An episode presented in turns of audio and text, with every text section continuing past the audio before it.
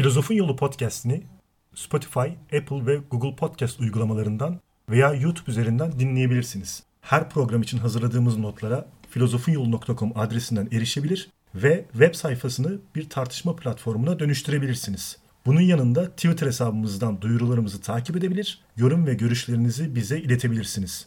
Programımızın masraflarına Patreon'dan ortak olabilir veya daha fazla üretim yapmamız için bizi teşvik edebilirsiniz.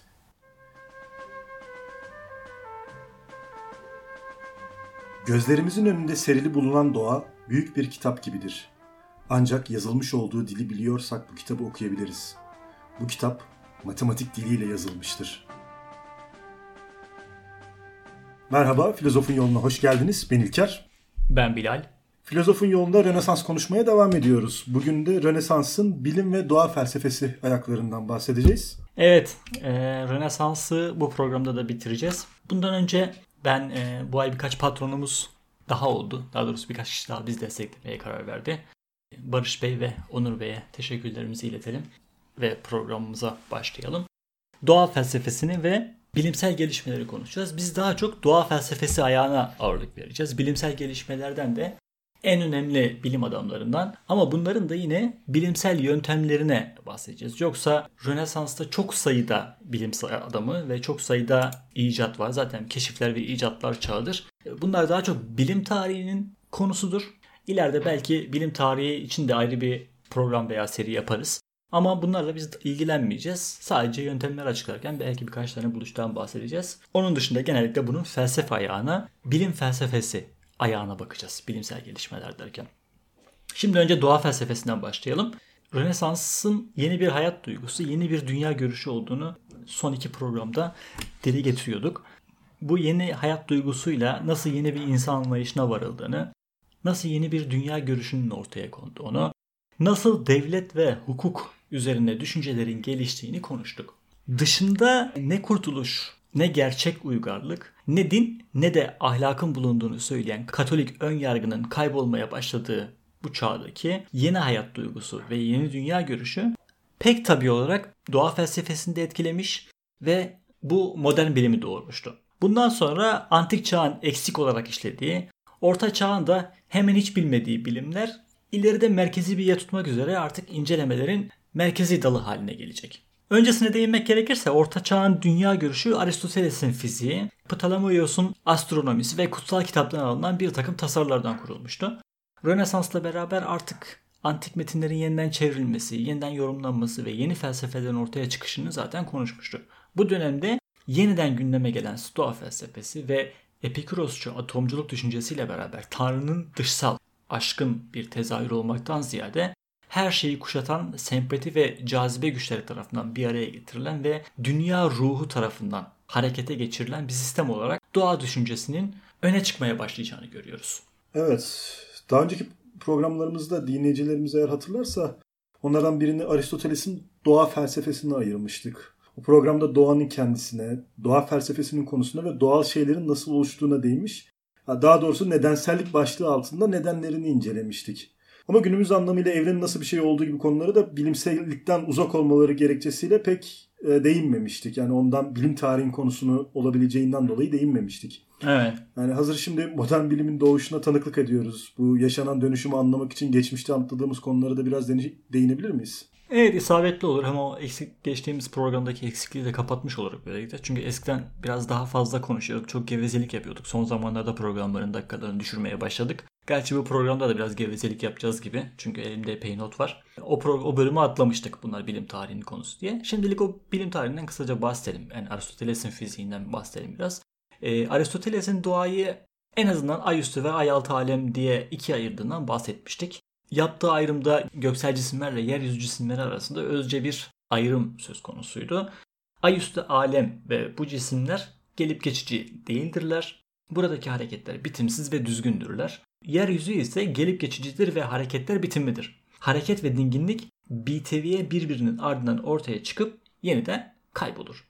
Bu iki alemdeki cisimleri meydana getiren maddeler de birbirinden başkadır. Ay üstü alemdeki maddeler ater, e, Türkçe'ye esir olarak diye geçer, adlı maddeden oluşurken yeryüzündeki maddeler dört elementten su, ateş, toprak ve havadan oluşur. Ayüstü alemdeki hareket sonsuz devam eden daire hareketiyken yeryüzündeki bitimli ve doğru çizgi hareketidir.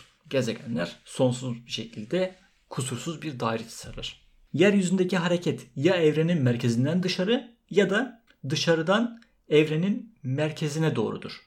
Doğal yeri evrenin merkezinde bulunan şeyler ağırdır. Gökyüzü sınırında olanlar ise hafiftir. Yani toprak ağır, ateş hafiftir. Ateş doğal olarak yukarı doğru, gökyüzüne doğru yükselmek ister. Toprak da aşağı düşmek ister. Taşı bırakınca yere düşmesi gibi. Su ve hava ise bu ikisinin arasındadır Aristoteles'e göre. Bu geosentrik bir anlayış aynı zamanda. Yani bu anlayışa göre dünya evrenin merkezinde yer alıyor. Evet, evrenin ortasında, merkezinde dünya var. Dünyadan yukarıya doğru yükseldiğimizde 3 tabakadan geçip esire varıyoruz. Ne kadar yükselirsek esir o kadar saflaşır. Gökyüzündeki cisimler sırayla ay, güneş, gezegenler ve durağan yıldızlardır. Her bir göksel cisim kendi etrafında dönen saydam kürelere çakılmışlardır. Durağan yıldızlar küresi evrenin sonu ve sınırıdır. Bu sınır Tanrı tarafından hareket ettirilen en yetkin kısımdır. Öteki küreler ise ruhlar tarafından hareket ettirilir. En sonki kürenin dışında da artık hiçbir şey yoktur. Yani boşluktan bahsetmiyoruz. Yani evren orada bitiyor. Bu sistem yörüngelerdeki çeşitli ıı, revizyonlarla tüm Orta Çağ boyunca varlığını sürdürdü. En son revizyonu yapan da Ptolemaios yani bizim Türkçe ismi Türkçe olarak bildiğimiz gibi Batlamyus olacak. Bu sistem aynı zamanda kiliseyle de uyum içerisinde olacak. Kilise evrendeki her şeyin insan için olup bittiği düşüncesini bu sabit dünya üzerinde kuracak ve onun etrafında pervane olmuş tinsel ve kutsal gök cisimleri anlayışına da izin verecek bu sistem. Yeryüzü günah yüzünden düşmüş, İsa ile tanışmış ve kıyamete kadar da burada yaşayacak insanın dramına ev sahipliği yapacak sahnedir sadece kilise için. Antik çağın aksine orta çağda doğayı araştırmak da bir amaç değildir. Kutsal olmayan doğa derece olarak aşağı bir varlıktır ve insanın doğal yönünden sıyrılması dindarın idealidir. Bunları da zaten biraz daha geçen programda da konuşmuştuk. Peki Rönesans neler kazandıracak bize?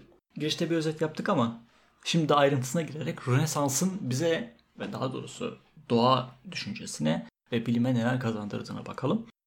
Rönesans'la beraber artık doğa yalnız bir sahne olmayacaktır. Kendisine doğrudan doğruya yönelilen, sırlarla dolu bilinmeyen bir dünya olarak ele alınacaktır. Rönesans insanı bilgiye susamıştı. Bu arzusunu gidermek için önce doğaya yönelecek, elde ettiği bilgiyle kendini daha güçlü kılacak ve kendi özünü doğada bulacaktır.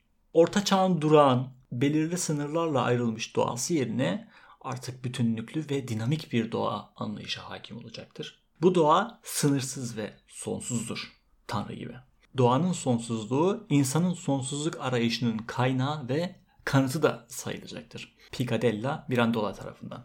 Bu dönemin doğa felsefeleri Stoa etkisini çok belirgin olarak gösterecek şekilde panteist bir yapı sergileyecektir. Söz konusu doğa felsefelerinin Rönesans Platonculuğuyla bazı bakımlardan benzerlikleri olmakla birlikte Platoncuların doğaüstü olanı ve ruhun Tanrı'ya doğru yükselişine vurgu yaptıkları yerde onlar kendine yeter bir sistem olarak görülen doğayı öne çıkaracaklar. Rönesans'ın başladığı şehir hep İtalya olarak biliniyor. Biz de öyle gördük. Önceki e, konuşmalarımızda da öyle bahsetmiştik. Evet. Bilimsel gelişmelerde önce İtalya'da mı başlayacak?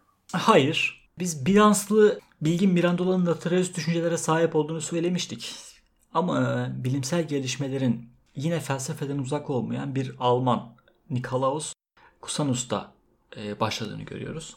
1401 ve 1464 yılları arasında yaşamış Cusanus. Alman mistisizmi etkisinde yetişmiş, İtalya'da hukuk, matematik ve felsefe okumuş Cusanus. Kilise reformunda da etkili olmuş bir kardinaldır. Zaten reformların da Almanya'da başladığını görmüştük. Tipik Rönesans yani bu geçiş dönemi aydın olan bilgin hem skolastiğin son büyük düşünürü hem de modern felsefesinin ilk kurucularından sayılır. Peki nasıl bilimsel gelişmeler göreceğiz burada? Onun etkisi bilimsel yöntem üzerine olan düşünceleridir. Cusanus bir yandan Rönesans ruhuna uygun olarak doğa bilgisiyle matematiğin ilk kullanımlarını ortaya koyacak, diğer yandan da reform hareketinin de başlatıcısı olan mistisizmin öğelerini taşıyacak ve bu ikisini uzlaştırmaya çalışacak. Stoa felsefesinin panteist düşünceleriyle yoğrulan felsefesine göre bilgi ve kavrayış kısaca evreni mutlak bir birlik içinde kavramaktır. Ama insan aklı bunu gerçekleştirmeye yetkin değildir. Mutlak birliğe ancak mistik bir görüyle yaklaşabiliriz. Bilgisizliği bilmek, docta ignorantia diye adlandırdığı bu görüşe göre mutlak birlik olan Tanrı da haliyle kavranamayacaktır. Yani Tanrı'ya karşı negatif bir teoloji yapılabilecektir ancak. Bizim bilmek istediğimiz doğa Tanrı mı? Ya da e, işte panteist düşünceye uygun olarak doğa ve Tanrı özdeş mi burada? Kusanus'a göre Tanrı ile doğa aynı şey değildir. Doğa Tanrı'da tam bir birlik halinde birleşmiş olanın bir açılımı, bir evrimidir. Bu çizginin noktanın gelişmesi veya gerçeğin olanağın açılması gibi bir şey. Kusanus panteist olduğunu asla söylemez ama öyle yorumlanacak ifadelere sahiptir. Evren orta çağda yaratılmış, olmuş bitmiş bir süreçti dedik. Ama Kusanus onun ilerleyen bir evrim süreci olduğunu ilk defa ifade edecektir. Gittikçe olgunlaşan bir gelişme olan evren için sonsuzluk kavramını da kullanarak antik çağ ve orta çağın sonlu evren anlayışına da itiraz edecektir. Bir diğer önemli fikir de bilgilerimizin göreli olduğu düşüncesi olacaktır. Bulunulan yerin ve hareketin göreli olduğu düşüncesi bizim aslında evrenin merkezinde olmadığımız sadece öyle sandığımız sonucuna vardıracaktır bize. Elimizde ölçmeye yarayan durağan bir nokta olmadığından yerin hareketini anlayamıyoruz biz aslında Kusanus'a göre. Bizler tıpkı nehirde giden bir gemideki nehrin aktığını bilmeyen, kıyıyı da göremeyen bir kimseye benzeriz aslında. Dolayısıyla Kusanus'un az önce gördüğümüz bu ortaçağ evren tasavvurunda da devrimsel dönüşme, dönüşümler yaptığını görüyoruz burada. Peki nereye varıyor buradan Kusanus? Yani bu düşüncelerden yola çıkarak dünyanın güneş etrafında döndüğünü söyleyecek mi daha sonra? Hayır ve bu anlayışla yapılan bir değerlendirmeye de karşı çıkıyor aslında. Dünyanın güneş etrafında döndüğünü düşünmek demek o dönemde dünyanın yetkin olmadığı anlamına gelecekti. Kusanus e, görelilik düşüncesinin hiçbir gök cisminin yetkin olan veya olmayan diye ayrılmasını mümkün kılmadığını söylüyor. Bunun için ortaya atıyor. Ki bu bizim için önemli. Yetkinlik Aristoteles'ten beri şeylerin kendi doğalarına uygun olan hareketiyle açıklanıyordu. Yeryüzü, yeryüzündeki insanların yetkinliği ise bu görelilikle tehlike altına girmez. Onlar doğalarına uygun hareket ettikten sonra yetkin olarak kalırlar. Aristoteles'te Ayüstü alem yetkindi, ayaltı alem değildi, eksikti. Ama Kusanus'un yaptığı bu evren tasavvurunda artık bu eşitsiz durum ortadan kalkıyor. Dünya dahi gökyüzündeki evrenlerin hepsi hatta bütün varlıklar aynı yetkinlik düzeyine erişmiş oluyor bu panteist evren düşüncesiyle. Bu sayede evrendeki yapı ayrılıkları da giderilmiş olacak. Ayüst ayaltı alemdeki yapı ayrılıkları yani. Yeryüzü ile gökyüzü arasındaki ayrım ortadan kalkacak ve tüm evren gelişen dinamik bir birlik içerisinde değerlendirilecektir. Bu dinamik birlik de insanı tüm doğayı bilmede kullanılacak ana kuvvetleri yani yasaları aramaya itecektir. Bu kuvvetleri bilmek aynı zamanda da doğaya egemen olmak demektir. Şimdi e, bu yıllarda hala disiplinli bir bilim, doğa bilimi olmadığı göz önünde bulundurulursa yani ortaya yine mistizmle karışık bilimimsi işte büyüyle simya arası uygulamalar göreceğiz diye düşünüyoruz bir yandan da doğru mudur? Evet. Rönesans doğaya egemen olmayı önce sistemli bir araştırmayla değil de büyüyle denemiştir. Ee, doğa ile insanın organik varlıklar olduğu düşüncesi, yani evrimsel gelişlemeden bahsetmiştik ya. Makrokozmoz olan evrenle mikrokozmoz olan insanın aynı kuvvetlerden etkilendiği düşüncesini doğuracaktır haliyle. Hepsi aynı yetkinlikte artık. Dolayısıyla insanı araştırmak da doğayı araştırmakla eşdeğerdir artık. Bunun ilk pratiklerini de daha önce programlarımıza kısaca değindiğimiz tıp uygulamalarında göreceğiz. Dönemin ünlü hekim ve kimyacısı bir İsviçre Almanı olan Paracelsus'a göre tıp doğa biliminin temelidir. Paracelsus da 1493 ve 1541 yıllar arasında yaşamıştır. Çünkü tıp biliminin kendisini konu aldığı insan canlı doğanın ortasında bulunan üç ayrı dünyadan pay alan bir varlıktır. O bedeniyle yeryüzünden veya elementler dünyasından, yıldız görünümüyle gökyüzünden, ölümsüz ruhuyla da manevi ya da ilahi dünyadan pay alır. İnsan vücudundaki doğa kuvvetlerini öğrenen hekim bunları büyük doğada yeniden bulur. Doğadaki kuvvetleri öğrenince de madenlerle otlardaki hastalıklara karşı kullanılabilecek kuvvetleri de tanımış olur. Doğadaki çeşitli kuvvetleri ve ruhları bulup buna uygun tıp ve kimya bilgisi geliştirme çabası başarılı olmasa da Paracelsus bu denemelerinde kimyanın bazı esaslarını geliştirmiştir. Hayal gücüne dayalı bu ilk denemelerin ilerleyebilmesi için o sırada gelişmekte olan matematik ve çeşitli keşif ve icatlar gerektirmişti. Aynı zamanda keşifler ve icatlar çağı da olan Rönesans'ta Amerika kıtası keşfedilmiş, yeni deniz yolları açılmış, pusula, barut, basın ve optik aletleri bulunmuştu. E, bu keşif ve icatlar Avrupalı'nın gerek coğrafya gerekse kozmografya ufkunu birdenbire genişletmişti. Bunu takip eden şey de doğa bilgisini duyulacak ihtiyacın gerektirdiği çalışma olacaktır. Yani bilimsel çaba. Evet. Ya, bütün bu gelişmelere rağmen sadece deneyi, deneye dayalı bilgileri hala görebilmiş değiliz. Skolastik yöntem ve mistizmle karışık doğa bilimini görmeye devam edecek miyiz burada? Şimdi bizim bugün anladığımız pozitivist doğa biliminin ortaya çıkması için önce bunun bir felsefi temelinin hazırlanmasına ihtiyacı vardı. Ee, Rönesans insanı yeniye açık olsa da henüz radikal e, doğa tasarımları ve bilimi ortaya çıkaracak yetkinlikte değildi ve bunu gerçekleştirebilecekleri politik ve dini ortamda aynı zamanda söz konusu değildi. Bizim ilk öğretim seviyesinde verdiğimiz doğa bilimi o dönemde ne kolaylıkla düşünülebilir ne de otoritelerce kabul edilebilir bir şeydir esasen. Amacımız amacımız da bilimsel gelişmeleri sıralamaktan ziyade programın başına belirttiğimiz gibi bunun felsefe ayağını yani doğa felsefesinin gelişimini incelemek olduğu için bu gelişmeyi benzer çizgide ve yavaşça incelemeye devam edeceğiz. Rönesans'ın doğa anlayışını tek bir düşünürün değil birçok düşünürün ortaklaşa yapıtı olduğunu da böylelikle daha iyi e, görebileceğiz. Fakat daha somut bilimsel gelişmelerden söz etmeden önce en azından son bir durağımız olduğunu belirterek yeterince ilerlediğimizi de belirteyim. Şimdi göreceğimiz bilgin Bernardius Telesius olacak. 1508 ve 1588 yılları arasında yaşamıştır. O doğa araştırmasında doğayı yalın olarak sadece deneysel olarak incelemek isteyen ilk bilgin ve doğa biliminde de ampirik araştırmacılığın baş temsilcisi olacaktır.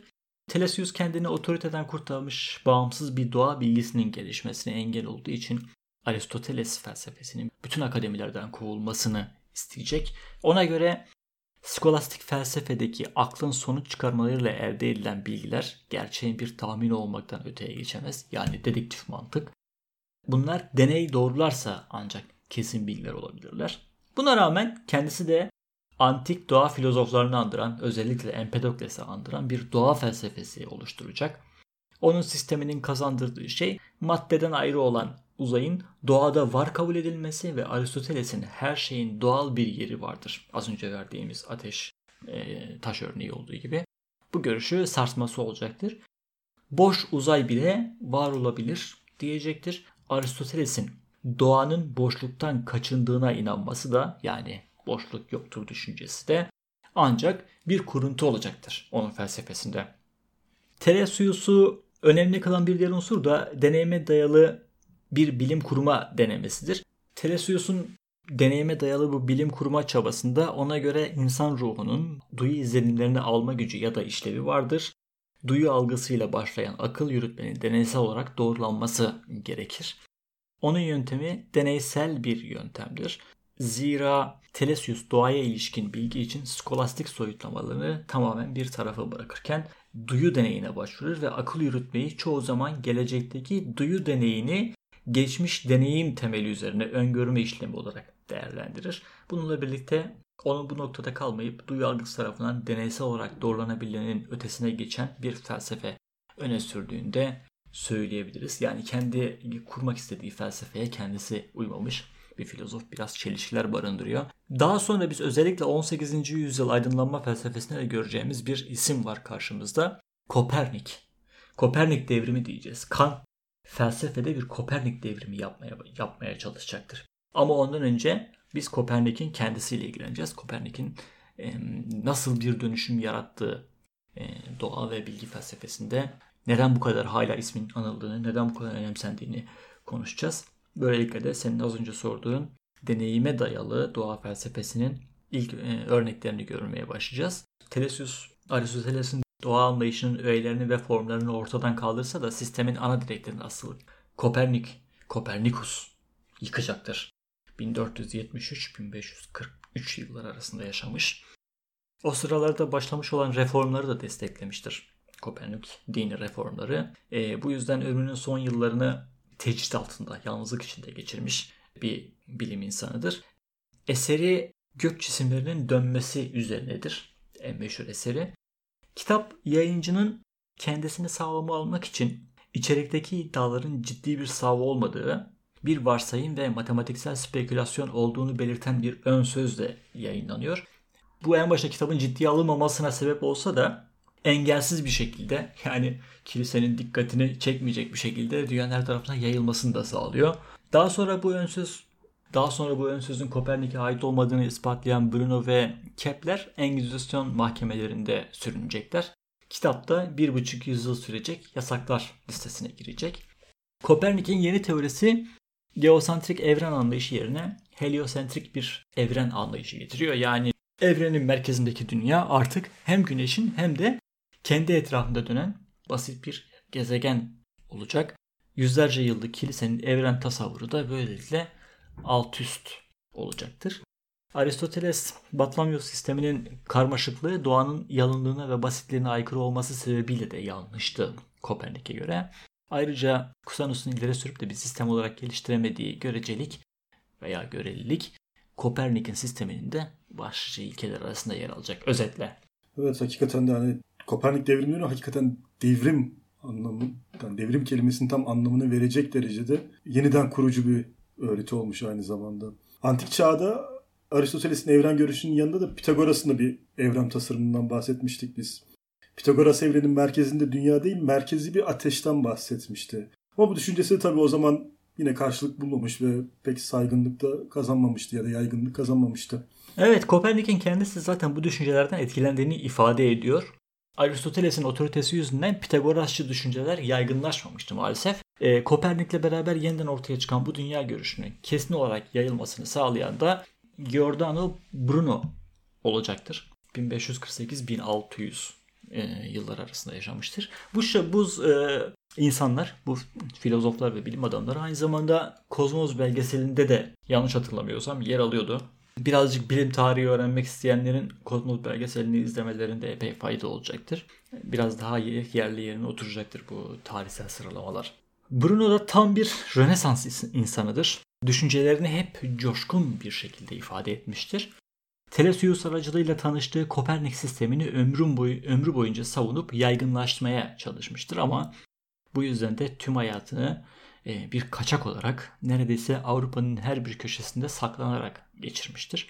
En son davetle Venedik'e gidiyor. Fakat davet eden soylu onu ihbar ediyor ve kilise ele geçiriyor ve sonra öldürüyor. Ölüm hükmünü kendisine bildiren yargıcı da ölümümü bildirirken siz benden çok korkuyorsunuz dediği aktarılır. 17 Şubat 1600'de Roma'da yakılarak öldürülmüştür. Sözünden vazgeçmemiş. Kopernik bunu açıkça ifade etmese de evrenin sonsuz ve sınırsız olduğunu Bruno ilk defa ifade ediyor. Ona göre evren Tanrı'nın kendini gerçekleştirdiği bir yerdir. Sonsuz bir etkinlik olan Tanrı kendini ancak sonsuz olan bir evrende gerçekleştirebilirdi. Aristoteles de tam aksini söylüyordu. Sonsuzluk belirsizlik demekti. Belirsizlik de Tanrı'ya yaraşmaz. O yüzden evren sonsuz olamaz demişti. Evrendeki sayısız ama sonlu yani ölümlü mü diyeyim yok olabilen gök cisimleri karşılıklı olarak dayanışarak evrenin birliğini oluştururlar. Bu sistem sayesinde bütün evren aynı cinsten homojen hale gelmiştir. Telesius'un da yaptığı buydu zaten. Evrendeki her evrenin aynı maddeden ve kaynaktan gelmiş olduğu öne çıkmış oluyordu bu sayede. Bruno e, doğayı ilahi bir birlikten çıkan bir varlıklar çokluğunun bütünü olarak ortaya koyuyor. Evrenin böyle tasavvur, evrenin böyle tanrıyla bir ilişki içerisinde ortaya konması da onu aynı zamanda yani Bruno'nun düşüncesini aynı zamanda metafizik bir görüş haline getirmiş oluyordu. E, Bruno'nun birlikli ve sonsuz bir bütün olan evreni sonu olmayan bir süreç sürekli bir yetkinleşmedir. Doğa bir kendi özünü kendi doğurarak sürüp gider. Bu sonsuz ve sınırsız evrende yer alan sonlu bir gezegendeki sonlu insanın yaşadığı dram peki? Bruno sisteminde bu soruna da yer veriyor mu? Sisteme gel. Rahat ol. Bütün evren yetkin. Sen de yetkinsin. Onun bu anlayışı Kahramanca Coşkunluk adlı yapıtındaki bir şiir ile anlatılmıştır. Evrenin sonsuz güzelliğine dalmak, onun içinde erimek karşısında insanın kendi üzüntüleri, sıkıntıları, ölümü bir hiç kalır İlker. İnsanın bakışları tek tek varlıkları göçüp gitmesinden, kendi didinme ve acılarından sıyrılıp ne kadar bütünün uyum ve sonsuzluğuna çevrilirse, kahramanca bir coşkunlukla acı ve ölüm de o kadar yenilmiş olur. Ruh kendisini en içten kavrayan bir özlem ile bu dar dünyaya bağlılığını kahramanca yenip Tanrı'ya, sonsuz doğaya ulaşmaya çalışır. Bruno'nun evren anlayışında evren Tanrı'nın sonsuz bir açılımı olduğuna göre bizim bugün anladığımız mekanik bir evren tasavvuru mümkün olmamalı o halde değil mi? Bu evrende her türlü oluş doğanın en iç özünden çıkar. Dolayısıyla burada zorunluluk tam bir özgürlüktür. Bir irade söz konusudur. Mekanik dünyada, mekanik evrende iradeden bahsedemeyiz.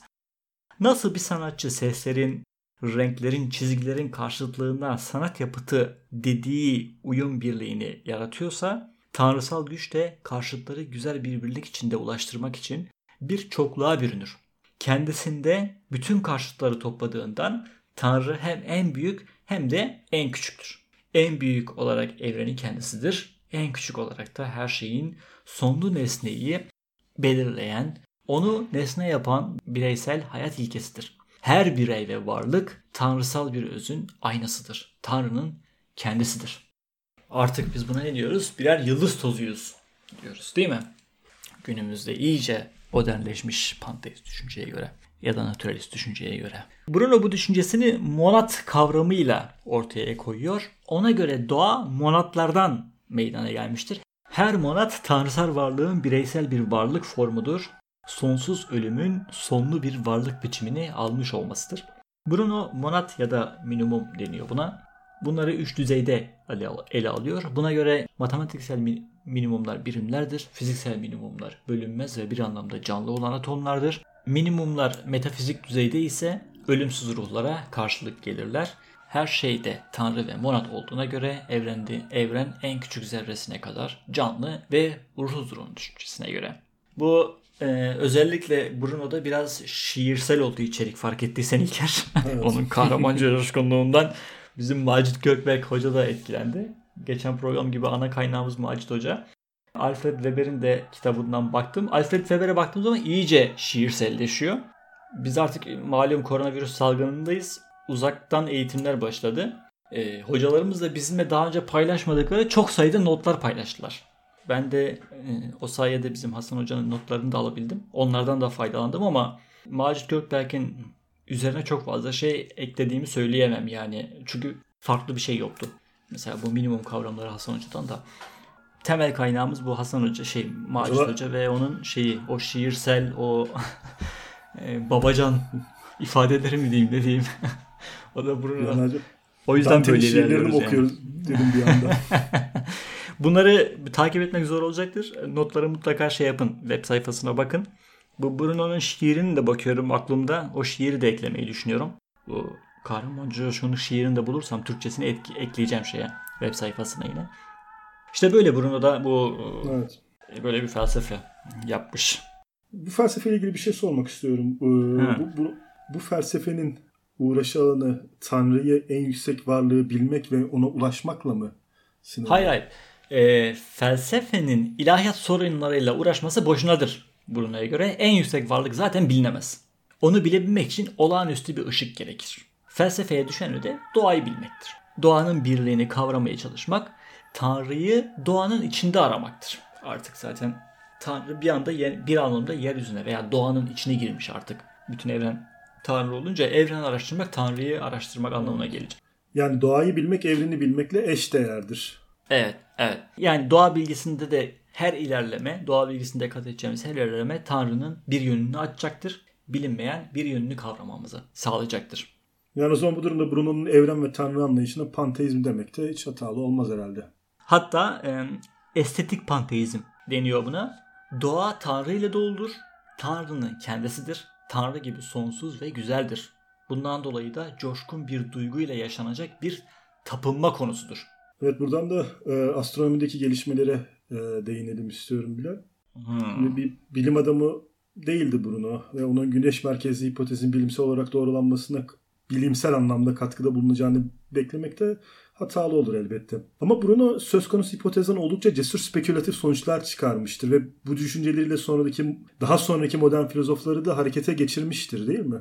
Evet doğrudur. Kopernik'in düşüncelerini yaydı ve onu bir sistem içerisinde yerleştirdi. Ama Kopernik'in bilimsel düşüncelerini esasen bilimsel anlamda geliştirecek olanlar Kepler ve Galileo olacak. Johannes Kepler, Johannes Kepler 1571 ve 1630 yıllar arasında yaşamıştır. Rönesans doğa felsefesinin yarattığı mistik evren anlayışındaki mistik öğeleri arındıracak ve matematikle temellendirecektir.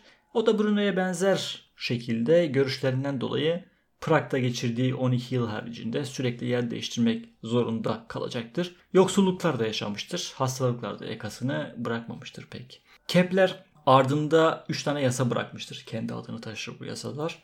Bunlardan birine göre gezegenlerin yörüngelerinin daire şeklinde değildir, elips şeklindedir.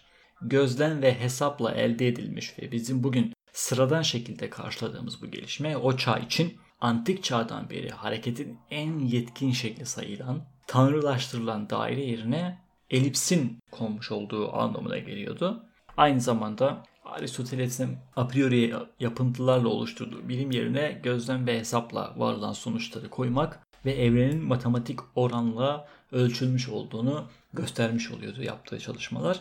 E, kendisi ama gençliğinde yeni Platoncu estetik panteist evren anlayışına sahiptir. Bir Bruno gibi. Ama doğada bulduğu uyumu spekülatif görüşlerle değil matematik oranlarla bulmaya başlamıştı ilerleyen yaşlarında.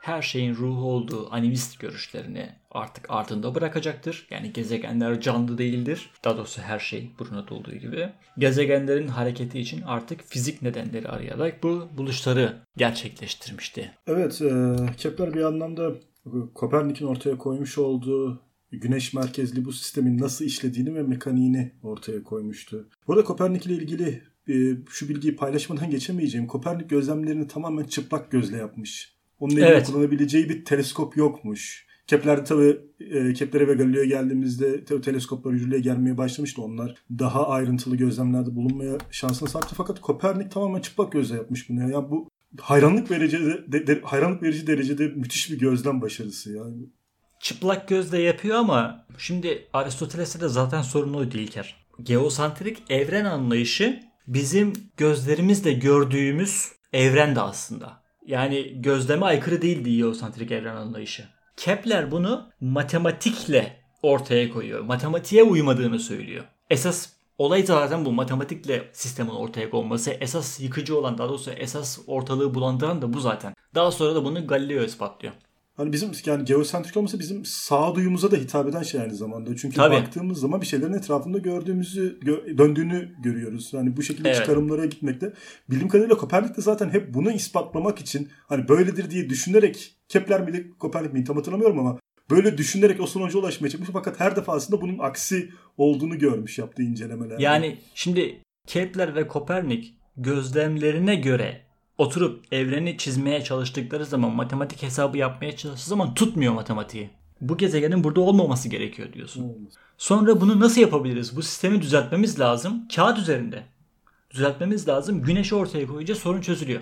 Bunun matematik hesabını yapıp, yaptığı zaman ve ispatladığı zaman kıyamet kopuyor zaten.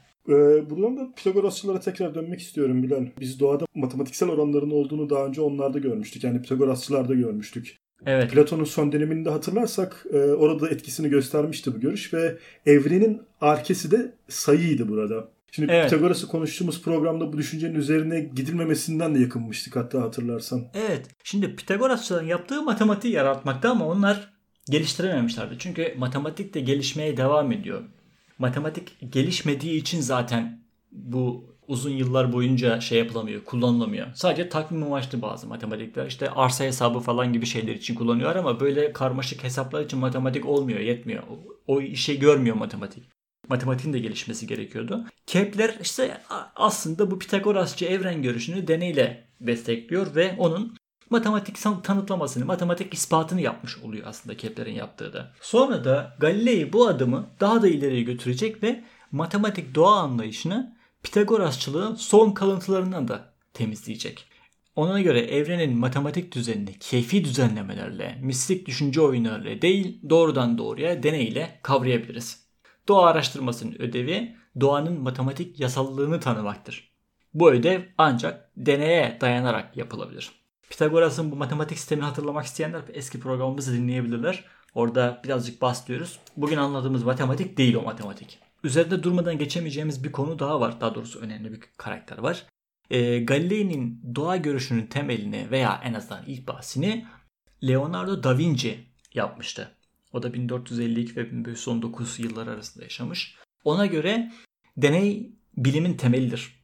Doğadaki bütün olaylar nedenler ile etkilerin birbirine bağlanmaları ile zorunlu olan koşullarla meydana gelir. Yani nedensellik vardır diyor. Mekanik nedensellik.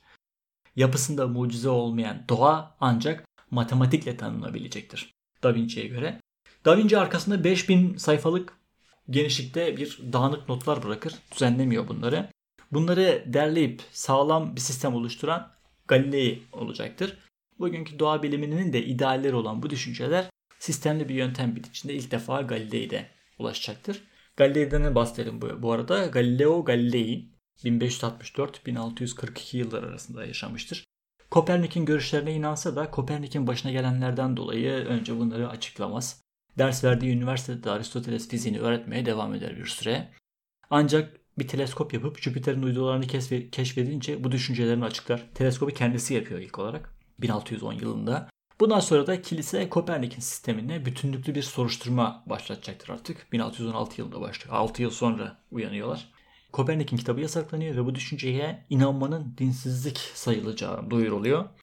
Galilei'yi de çağırarak yeni düşünceleri yaymasını emrediyor. Yeni düşünceleri yaymamasını emrediyorlar ama Galilei çalışmalarına devam ediyor ve güneş lekelerini ve Venüs'ün dönmesinde geçirdiği evreleri de buluyor ve bunları yayınlıyor. Bu arada kiliseye bağlı olanlar kendisiyle şiddetli bir savaşa girişmiştir. Aristotelesçiler inançları sarsılmasın diye onun teleskobundan gökyüzü düzenine bile bakmayı reddediyorlar.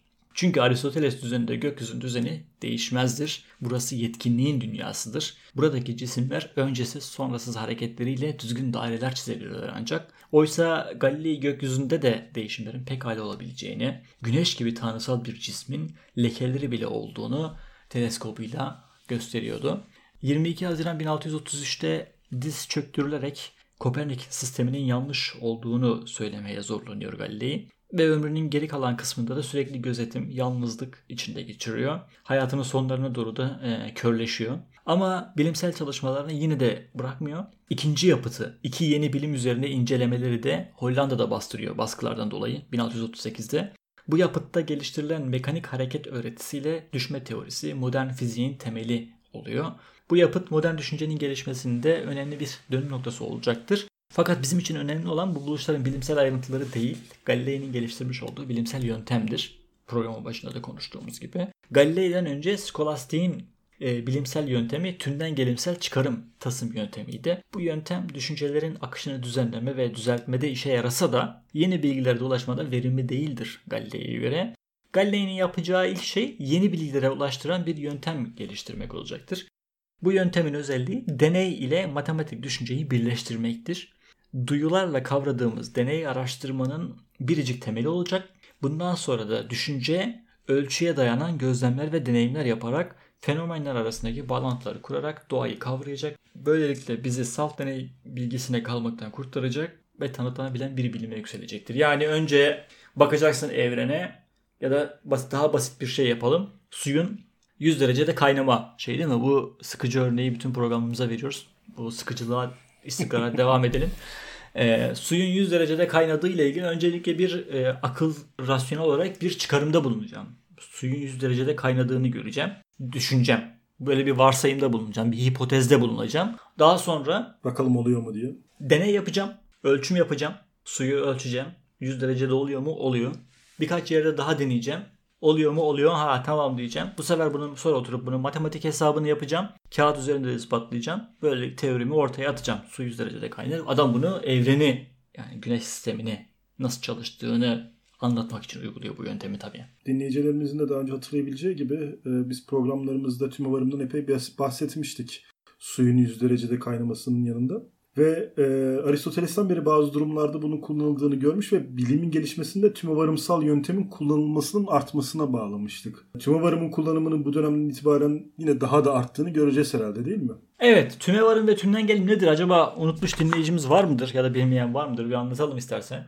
Tümevarım ben e, tek tek gözlemlerimden yola çıkarak genel bir yargıya varıyorum demektir. Ne demek?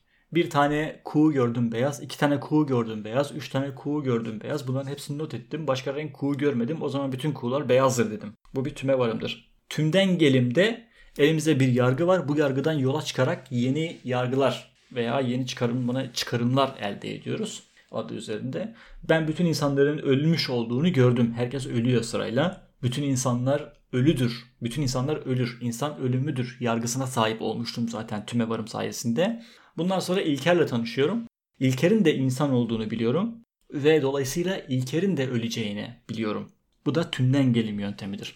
Tabii yine bunun bilimsel olarak kullanıldığını varsayıyoruz. Çok basit örnekler anlatıyoruz.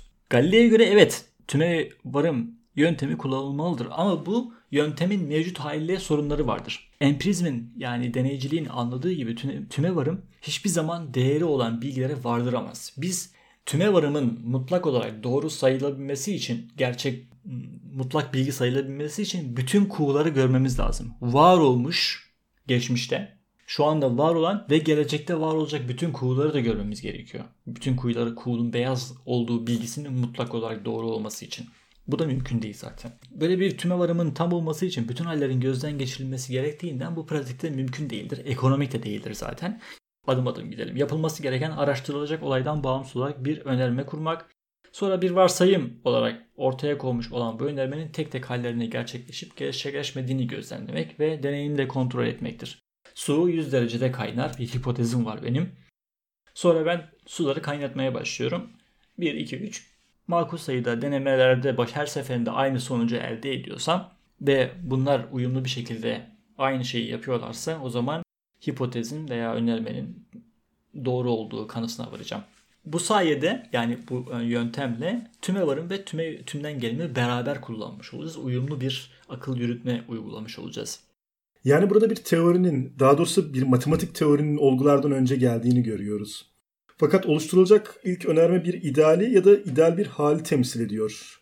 Yani bu haller birçok durumda gerçekte bulunmayabilir ama aynı zamanda. Galilei bu sorunu fark etmiş ve aşmaya çalışmış mıdır? Evet ilk durum neydi? Suyun 100 derecede kaynaması. Şimdi biz günümüz bilincileri ne diyor? Sıfır e, atmosfer basıncında. Bir atmosfer basıncı mıydı? Deniz seviyesinde işte. Evet. Bir atmosfer basıncıydı değil mi? Bak şimdi ne kadar bilimden uzak bir filozofum. Bunun sıcaklığını ölçüyoruz ama o 100 dereceyi mutlak olarak tutturmamız yani o ideal koşulları sağlamamız mümkün, imkanı yoktur. Galilei bunu biraz daha sofistike bir örnekle açıklıyor aslında. Ben en iyisi Galilei'nin örneğini kullanayım. Bu suyun 100 derecede kullanma şeyi de bir yere kadar e, işe yarıyor. Bilim adamı da olmadığım bundan, için şimdi bundan sonra çaktırma, yönteme. çaktırma biliyormuşum gibi yapıyorum şimdi. Ee, araştırmaya kılavuzluk edecek bu ana önermenin varsaydığı gerçek bulunmayabilir. Ama Galilei buna e, deneyle yaklaşılabilir diyecektir. Örneğin düşme yasasına göre havasız ortamda bütün cisimler aynı hızda düşer. Yasasını deneyimleye, deneyimleyecek bir ortamı bulmak zor veya imkansızdır. Değil mi? Hele de 15. 16. yüzyılda havasız ortam bulmak muhtemelen çok zor olacaktır. Yapacağımız şey elden geldiğince havasız kaplar yapmak. Olduğu kadarıyla ve nesnelerin hızını ölçmek. Bu kaplarda çeşitli cisimler aynı hızda değilse bile birbirine yaklaşan hızlarda düşüyorlarsa önceden koyduğumuz önermemiz doğrudur ve tanıtlanmış demektir. Ölçme bize izin verdiği ölçüde bunu yapacağız ve mümkün olduğunca da ölçmeyi mükemmelleştireceğiz. Zaten bilim tarihinde ölçme yöntemleri geliştikçe yeni bilimsel araçların, yeni bilimsel buluşların ortaya konduğunu da görüyoruz. Mesela çok anlamıyorum diyorum ama en azından bilim podcastlerini falan takip ediyorum. Geçenlerde şey ispat edilmişti iki sene önce. uzayın büküldüğü ispatlanmış hatırlıyor musun İlker? Einstein uzayın büküldüğünü şey yapıyor ya, söylüyor ya. Yok şey kar, kara, de, kara delikler ilk defa görüntülenmişti. Yok yok ondan önce. Kara delik do- o değil mi? Ondan önce. Şimdi e, kara delikler çarpıştığı zaman çok büyük bir patlama ortaya çıkıyor. Çok büyük bir kütle ortaya çıkıyor veya yok oluyor. E, daha sonra uzay dalgalanıyor. Genelde böyle fizik e, bölümlerinde o ama kendi e, gezegenlerin ya da gök cisimlerin kendi kütleleri de zaten şeye senin o, o bükülmeye neden olmuyor mu? Evet zaten o neden oluyor. Hı hı. Ama bunu tespit etmek zor. Yani matematiksel olarak var bu. Evet. Bunu tespit edebilmenin bir yolunu şey olarak buluyorlar. Kara delikler çarpıştığı zaman ortaya çıkacak büyük patlama sayesinde öyle bir bükülme gerçekleşecek ki biz bunu hesaplayabilelim. Yani evet. ölçebilelim. Bunun için de Avrupa'daydı galiba bir tünel inşa ediyorlar. 11-14 kilometre gibi bir şeydi. Tünelin bir ucundan diğer ucuna lazer tutuyorlar. Mesafe ölçen. Daha sonra bir tane kara delik çarpışması var beklenen. Yani dalgasının bize dünyaya ulaşması beklenen bir zaman aralığı var. Bir saniye bu tarif Hadron çarpıştırıcısı mıydı bu tarif? Hayır hayır değil. Değil miydi? Değil bu başka. Başka? Ha, ben programa linkini koyacağım bunun. Merak eden dinleyicilerimiz oraya baksınlar. Uzay büküldüğü zaman çarşaf gibi aynı böyle denizde dalga gider ya ilerler ya böyle işte suya bir şey attığın zaman. Uzay da o şekilde bükülüyor tamam mı? Dalga gibi geliyor. Dünyadan da geçiyor dünyayı da büküyor. O bükülme sırasında o lazer sistemi sayesinde ne kadar şeyi olduğunu gördüler. Yani fiziksel olarak hesapladılar yani deneysel fizikle. Ölçme sistemleri yaygınlaştıkça yani geliştikçe bizim de yeni buluşlar yapma veya teorik iddiaları ispatlama şansımız artıyor. 100 yıl sonra Einstein'ın şeyinden 100 yıl sonra icat, e, keşfedildi bu. Yani ispatlandı fiziksel olarak. Konumuza geri dönecek olursak Galile'de yasa bir matematik oran olduğundan fenomenlerin nicelik ilintilerini bulmak esastır. Yani ölçüm yapmak esastır. Bundan dolayı her şeyi ölçmek doğrudan doğruya ölçülemeyen de ölçütür hale getirmek bu yöntemin en önemli ilkesidir. Az önce verdiğimiz örnekle buna çok güzel hizmet ediyor zaten. Çünkü doğa bilimi gizli kuvvetler ya da büyü aramaz. Nicelik ilintilerini ve özellikle de hareketin ölçü oranlarını arar. Çünkü bütün doğa bir hareketler sistemidir. E, bu anlayışta Aristoteles fiziğindeki hareketin formlar ve formların eğilimleri olduğu anlayışında ortadan kaldırmış oluyor. Yani Aristoteles'in dediği e, cansız hareketlerin de kendi hareketleri vardı. İşte ateş yukarı doğru, taş aşağı doğru hareket eder gibi önermeleri evet. sonlandırmış oluyor. Evet. Aristoteles hareketin niçin olduğunu araştırıyordu. Galilei ise nasıl olduğunu araştırır. Bunun için de matematik bir varsayımdan yani hipotezden kalkarak deneyimle kontrol ediyor ve bunu tanıtlıyor, ispatlıyordu. E, tabii bu yöntem daha sonra geliştirilecek ve Newton ve sonrasındaki fizik ve astronomi gelişmelerini de tetikleyecektir. Peki dönemin filozoflarının bu matematiksel bilimin gelişmesine katkısı olmamış mıdır? Yani deminden beri gördüğümüz o filozoflar Kopernik ve Galile'ye tabii zemin hazırladılar ama kendileri daha çok işte böyle mistik evrenin evren tasarımları yapmışlardı. Ya şimdi bir filozof bilimci denen bir kategori de var. Bunu ta şeyde 20. yüzyılda kadar bile görmeye devam edeceğiz. Yani çağımızda da devam ediyor. Ama doğrudan bu matematik işi yani biraz daha bilimin işi gerçekten. Fakat yani, yani filozoflar en azından yöntem konusunda e, bazı yardımlarda yani bazı geliştirmelerde bulunmuştur. Bunun en önemli örneği e, Francis Bacon'dır. İngiliz deneyici filozof. O da 1561 ve 1626 yılları arasında yaşamıştır. Bacon bu dönemde kurulan doğa biliminin düşüncesi ve görüşlerini çok güzel kavramıştır. E, yeni bilimin hayatı nasıl etkileyeceğini isabetli bir şekilde sezmiş bir filozoftur. Bu yüzden de bilmek egemen olmak sözüyle de yeni doğa bilimine ilişkin düşünceleri adeta özetlemiştir. Daha önceki programımızda bahsettiğimiz Ütopyası Nova Atlantis, Yeni Atlantis eserinde de tasarladığı devletin baş dayanağı bilimdir ve toplum hayatı bilimle düzenleniyordu zaten. Yeni Atlantis kitabında bilmek egemen olmaktır diyor Francis Bacon. Ne demek istiyor orada? Yeni bilim ve keşifler sayesinde o dönemin insanların hayatlarında çok önemli değişiklikler gerçekleşiyordu. Rönesans'ta az önce saydık ama Amerika'nın ve yeni deniz yollarının keşfi, barutun, pusulanın, matbaanın yol açtığı toplumsal değişiklikler bir bir sıralanıyor. İşte o sırada kan dolaşı sisteminin bulunması birçok bir bilim alanında adeta böyle fışkırıyor yani keşifler, icatlar. Bunların hepsi doğa bilimine, e, doğa güçlerine hakim olmakla gerçekleşiyordu. Francis Bacon'a göre. İşte çok büyük bir güç olan doğanın karşısına çıkmak için insanın elinde bir kuvvet vardır. Bilgi. Bu gibi bilgi elde etmek de doğaya hakim olmak demekti. Ama doğaya egemen olmak ancak ona boyun eğmekle başlar. Yani onun yasalarını öğrenmekle gerçekleşebilirdi. Ancak şimdiye kadar bu buluşlarda daha çok rastlantıya borçluyuzdur der Bacon. Bundan sonraki buluşları planlı bir şekilde onlara ulaştıracak sağlam bir yöntem de bulmalıyız. Kendisi e, her ne kadar Galilei gibi bir bulgular yöntemi ortaya koymamış olsa da yeni bir doğa bilgisi yöntemi tasarısı ortaya koyarak bunları söylüyor. E, ona göre Yunanlılar daha çok ahlak sorunlarıyla, Romalılar hukuk ile, Hristiyanlar ise ilahiyatla ilgilenmişti. Bu süreçte doğa bilimiyle dolaylı bir şekilde ilgilenmiş olsa da ona hayatı daha iyi ve daha zengin yapabilecek bir araç gözüyle bakmamışlardı. Üstelik bu alanda yanlış yöntemler de kullanmışlardı. Hayatın hemen her alanında eski düşünce biçimlerinin veya skolastik düşüncenin doyurucu olmaktan uzak ve yetersiz kaldığı bir sırada Rönesans filozofları ortaya attıkları sorunların pek azına çözüm getirebilmiş olsalar dahi hiç değilse geri kalanın bir sonraki yüzyılın büyük düşünce savaşları içinde çözülmesinin yolunu açmışlardı.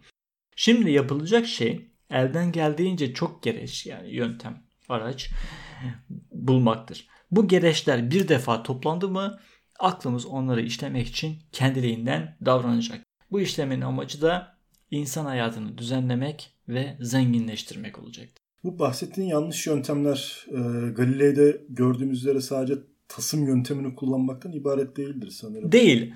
Şimdi biz kendisine egemen olmak için doğayı bil, tanımaya, bilmeye çalışırken ilk önce kendimizi çeşitli ön yargılardan kurtarmalıyız.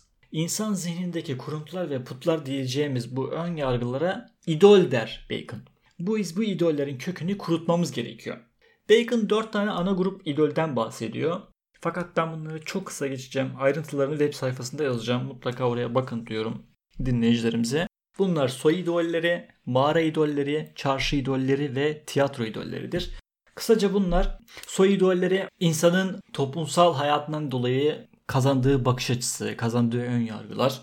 Mağara idolleri bizim toplumdan ayrı olarak kişisel huyumuz, kişisel alışkanlıklarımız, kişisel tercihlerimiz dolayısıyla elde ettiğimiz ön yargılar. Çarşı idolleri kısaca dilden kaynaklanan bazı dertlerimizi, bazı ihtiyaçlarımızı dilin karşılamaması veya bazı gerçekten var olmayan şeylerin dilsel karşılığı olması gibi sorunlar veya tiyatro idolleri daha önceki otoriteler. Önemli, en önemlisi de deminden beri bahsettiğimiz Aristoteles gibi otoritelere sıkıca bağlanmak, onlara adeta iman eder gibi bağlanıp yeni şeyler öğrenmekten kendimizi alıkoymak gibi bizi engelleyen bazı ön yargılarımız vardır. Biz bu ön yargılardan kurtulmamız lazım. Bunlardan kurtulursak araştırmaya başlayabiliriz. Aynı zamanda ihtiyacımız olan bir tümevarım yöntemi vardı. Zaten Galilei de bunun eksikliğinden bahsetmişti. Bacon'da ayrıntılarına girmeyeceğim yine. Tümevarım yöntemini biraz daha geliştiriyor ve onu modern mantığın başında bir düşünür haline getiriyor.